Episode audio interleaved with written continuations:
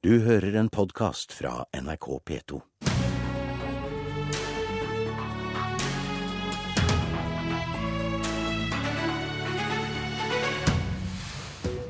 Hvem har den beste medisinen mot arbeidsløysa? Og når 2015 blir oppsummert, hva er vår største utfordring? I Politisk kvarterstudio sitter den eh, nye arbeidsministeren Anniken Hauglie klar til sin første debatt. Men eh, vi begynner med deg, Arbeiderpartileder Jonas Gahr Støre. God morgen. God morgen. Du eh, oppsummerer halvåret med din pressekonferanse i dag. Og hvis noen skal skrive den politiske historien om 2015, noen tiår fra nå, hva tror du de vil trekke fram som mest definerende for det norske samfunnet? Er det flyktningstrømmen, den stigende arbeidsløsa, eller klimautfordringene som fikk et slags svar i Paris? Du har de tre sakene der, tror jeg. Eh, og det å si at én sak dominerer alle andre, er vanskelig. Jeg vil jo si at eh, de sakene henger ganske godt sammen også når vi skal løse dem. Eh, ved at vi har fått flere flyktninger til Norge som skal bo i Norge. De krever arbeid. Altså Der er arbeid viktig for integrering. Skal vi lykkes med å møte klimaforandringene, så må vi ha arbeid, bedrifter, teknologi, verdiskapning. Så disse tingene henger sammen. Jeg vil jo si at Den kraftige økningen i ledigheten er det som bryter det norske mest. Vi er nå gått forbi Tyskland i ledighet. Det er et veldig høyt nivå. Eh, og det har pågått gjennom året og kommet litt i skyggen av hva som skjedde i høst med, med økt antall eh, flyktninger. Men de tre eh, begivenhetene der tror jeg står godt ut. Vi tenkte vi skulle prøve å komme innom alle tre områder her, og starte med klima. Hvordan mener Arbeiderpartiet at klimaavtalen fra Paris må endre norsk oljepolitikk? Alle som jobber med energi Eh, må ta signaler fra Paris. Og Det betyr at det kommer til å bli dyrere å slippe ut, og det kommer til å bli økt behov for å finne nye energikilder. Eh, Norge er en del av et europeisk system for dette, eh, slik at de kvotene som vår industri har, også olje- og gassindustrien, de kommer til å bli færre og dyrere. Og de langsiktige investorene Jeg møtte deler av ledelsen i Statoil i går. Jeg ser hvordan de resonnerer. De må ta de signalene i hvordan de satser. Vi skal følge opp, eh, mener jeg, ved å eh, pushe på for ytterligere reduksjoner i utslipp fra den sektoren. Vi må satse på det som heter fangst og lagring, som vi har kommet et godt stykke på vei med. Og så mener jeg jo, som du hører ofte etter studio, at norsk gass er en del av den løsningen når Europa skal gå bort fra kull. Så det å fortsette å levere norsk gass til Europa, det er viktig. Du har bedt regjeringa komme med en tiltaksplan etter Paris. Eh, og din energipolitiske talsmann Terje Aasland satt her i studio tidligere i veka og mente at regjeringa ikke har tatt inn over seg hva avtalen betyr. Men hva er det helt konkret Ap mener regjeringa må endre, da? Jo, altså Det som er nytt med denne avtalen, er at den blir juridisk bindende både for industrien, olje og gassen, det har vi hatt til nå også, men nå blir det også for alle andre sektorer i samfunn. samfunnet. Transport, landbruk, bygg. Uh, alt det som ikke har vært bundet av de avtalene. Uh, og det jeg har sagt, at regjeringen bør komme til Stortinget med sin oversikt, og det hørte jeg statsministeren sa i går også at hun ville, for å si hvordan vi skal nå de målene. Vi skal altså kutte med 40 over hele feltet fram til 2030, og det er ikke lenge til. Det er 15 år til. Eh, og da må vi eh, sette mål, vi må skyve på for teknologiendringer. Vi som forbrukere må eh, forbruke på andre og nye måter. Vi vil kanskje i den perioden se den siste fossile bilen komme på veien. Eh, altså at vi må over på et helt annen transportløsning. Men i selve oljepolitikken, bør det skje noe da med 23. konsesjonsrunde f.eks., eller bør vi leite mindre? 23. konsesjonsrunde er lyst ut, og den, den, skal gå. Det skal være forutsigbarhet i Norge. Men helt de, planlagt? Ja, det mener jeg. De selskapene som skal vurdere om de skal bore og satse, de må gjøre sine vurderinger. Det er sånn vårt system er lagt opp.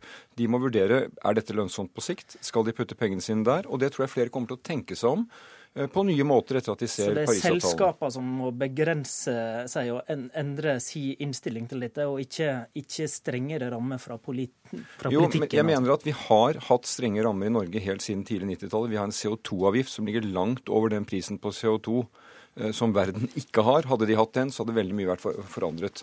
Så vi har strenge virkemidler. Og så er det jo modellen Så, de, så de trengs ikke å gjøres strengere? Vel, i, den, i, det videre arbeidet så får vi jo vurdere det løpende. Men jeg mener at eh, noe som har vært viktig med Norge, har vært at det har vært forutsigbarhet for de som skal investere. De må ta de avgjørelsene, og de gjør seg jo nå vurderinger. Hva er lønnsomt, og hva kommer de til å etterspørre der ute i markedene? Fordi vi vet jo nå at etter hvert vil de som tidligere har kjøpt eh, kull, forhåpentligvis gå over til andre former. Vi må på vei mot det fullstendig fornybare, og på den veien er gass en viktig ressurs.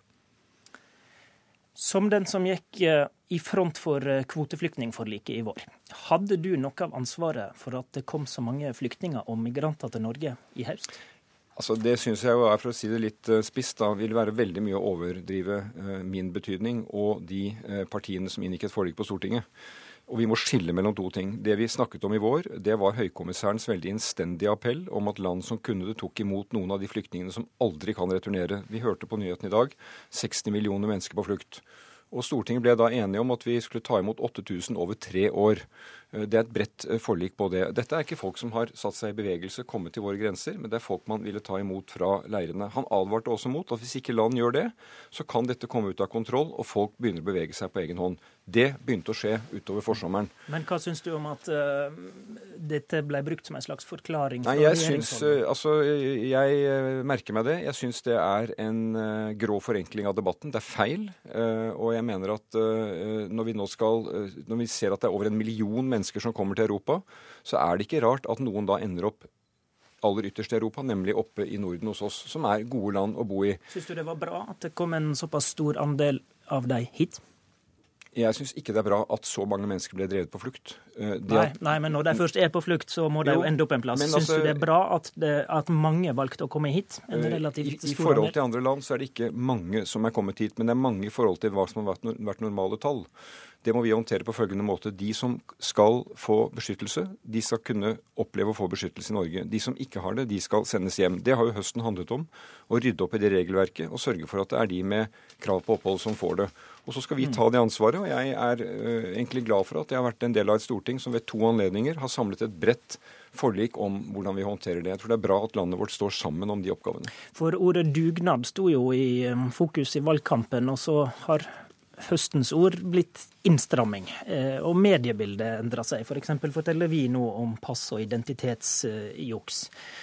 Er det noe med det stemningsskiftet der som du misliker? Jo, men jeg forstår det også egentlig ganske godt. fordi at uh, i, i, første omgang så hadde vi disse flyktningene vi skulle ta imot fra Syria, som vi skulle uh, avlaste i leirene. Det var det bred støtte til.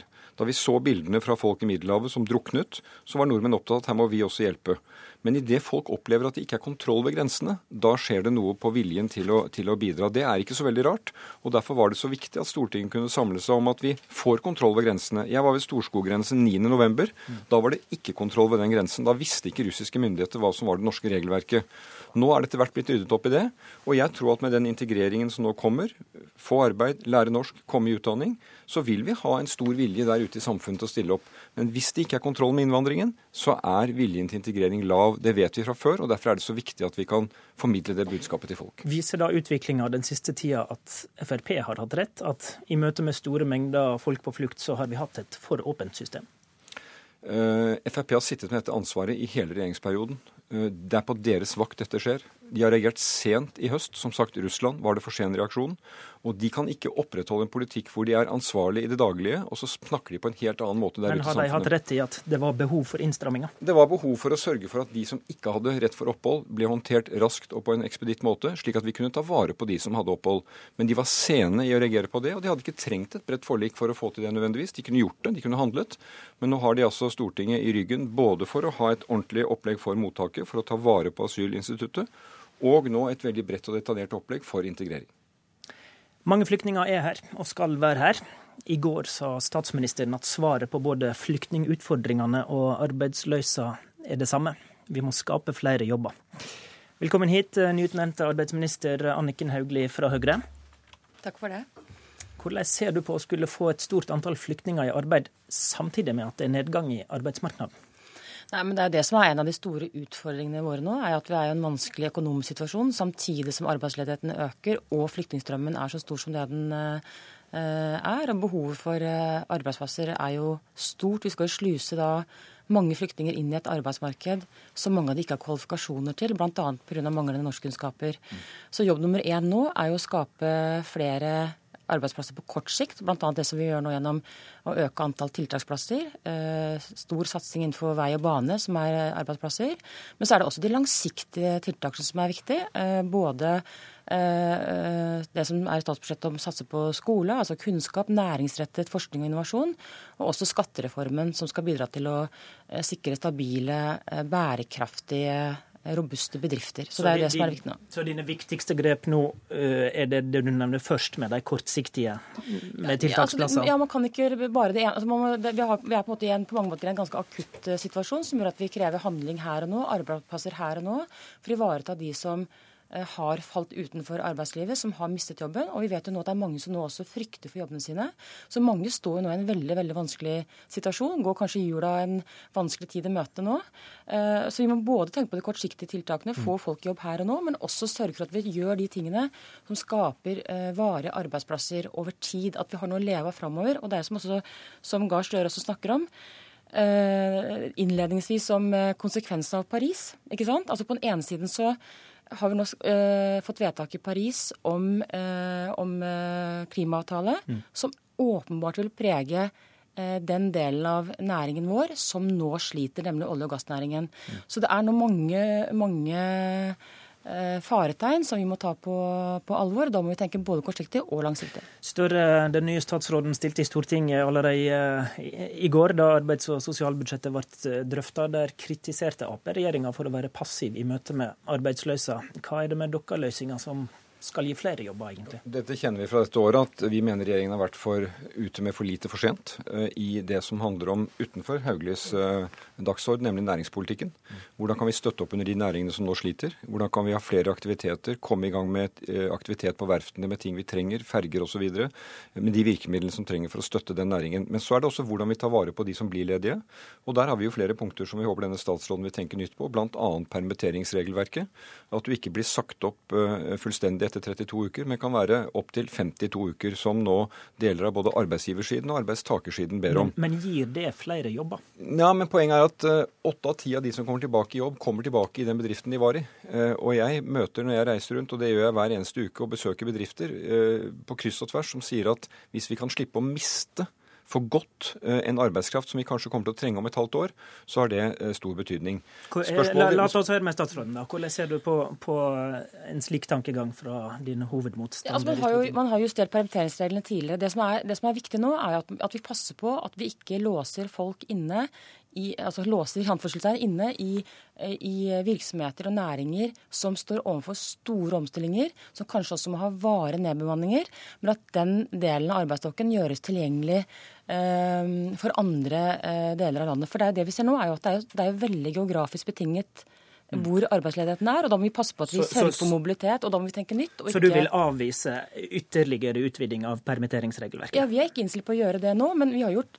endringer tidligere. Ja, men, dere, men, dere, gjorde altså endringer tidligere da det ble eh, veldig kraftig bedt om det. Dere reverserte regelverket og brakte det tilbake igjen til der det var. Det vi gjorde under finanskrisen, var jo å øke det til et år. For nettopp at man kunne komme gjennom vanskelige tider, og at bedrifter som ville være viktige for både nyskaping og helt nye aktiviteter, kunne få tilgang på de som hadde jobbet der før. Og det å snakke om at man låser folk inne, det ser jeg at, at Høyre gjør. Det er det altså ikke dekning for. Eh, de som kommer tilbake i jobb, veldig mange av dem kommer tilbake innenfor samme feltene hvor de har kompetanse fra før. Men så er det flyktningene, la meg bare si det. Og det er min appell til Anniken Hauglie. Jo, men de skal i jobb, de også. Hvordan skal vi få det til å fungere? LO og NHO. Det er viktige partnere. De har spilt inn forslag til regjeringen om hvordan man innenfor den norske modellen kan sørge for at folk kommer i jobb uten at vi ender i sosial dumping. Og Dette er en av de veldig viktige oppgavene våre nå. Dette er jo folk med kvalifikasjoner, mange av dem. De ønsker å jobbe, ønsker å bidra, skal lære norsk. Og jeg vil oppfordre statsråden til virkelig å, på en helt annen måte enn hennes forgjenger, ta disse partene i arbeidslivet på alvor, sette seg ned med dem rundt bordet. De kan være en del av nøkkelen for at dette kan skje på en ordentlig måte, uten at det forringer de kvalitetene vi har hørt om eh, forventningene til en litt bedre dialog. Hvordan svarer du til Jeg har allerede sendt en invitasjon til partene, og jeg gleder meg veldig til å møte alle sammen. Det er åpenbart at i det arbeidet vi står overfor nå, så er partene en, en, eh, viktig aktør, og det er et godt samarbeid med, med dem. Så det, det, skal jeg invitere til og legge også opp til. Men det er som du også sier, programleder, at eh, Permitteringer eh, gir jo ikke økte arbeidsplasser, flere arbeidsplasser. Tvert imot så mener jeg at det som er nødvendig nå, er at man tenker helt nytt om eh, mange av de ordningene våre. At vi passer på at vi ikke bruker eh, gårsdagens løsninger på fremtidens eh, problemer. Det viktigste nå er at? At, altså jeg mener at det å på en måte låse folk inne, at vi skal være varsomme med det. Og det er ikke sånn at det er et rop overalt om at man skal endre det tilbake igjen der som Gahr Støre ønsker å være. Jeg mener at, man, at Arbeiderpartiet fører en tilbakeskuende politikk. Vi trenger nå å sørge for varige arbeidsplasser, kanskje i andre næringer, andre bransjer og andre deler av landet. Eh, enn det som tidligere har vært. Du Du skal nok få flere høve til å diskutere akkurat dette. Du skal være velkommen igjen. Takk for nå til Jonas Gahr Støre og Anniken Hauglie. I studio, Håvard Grønli. Du har hørt en podkast fra NRK P2.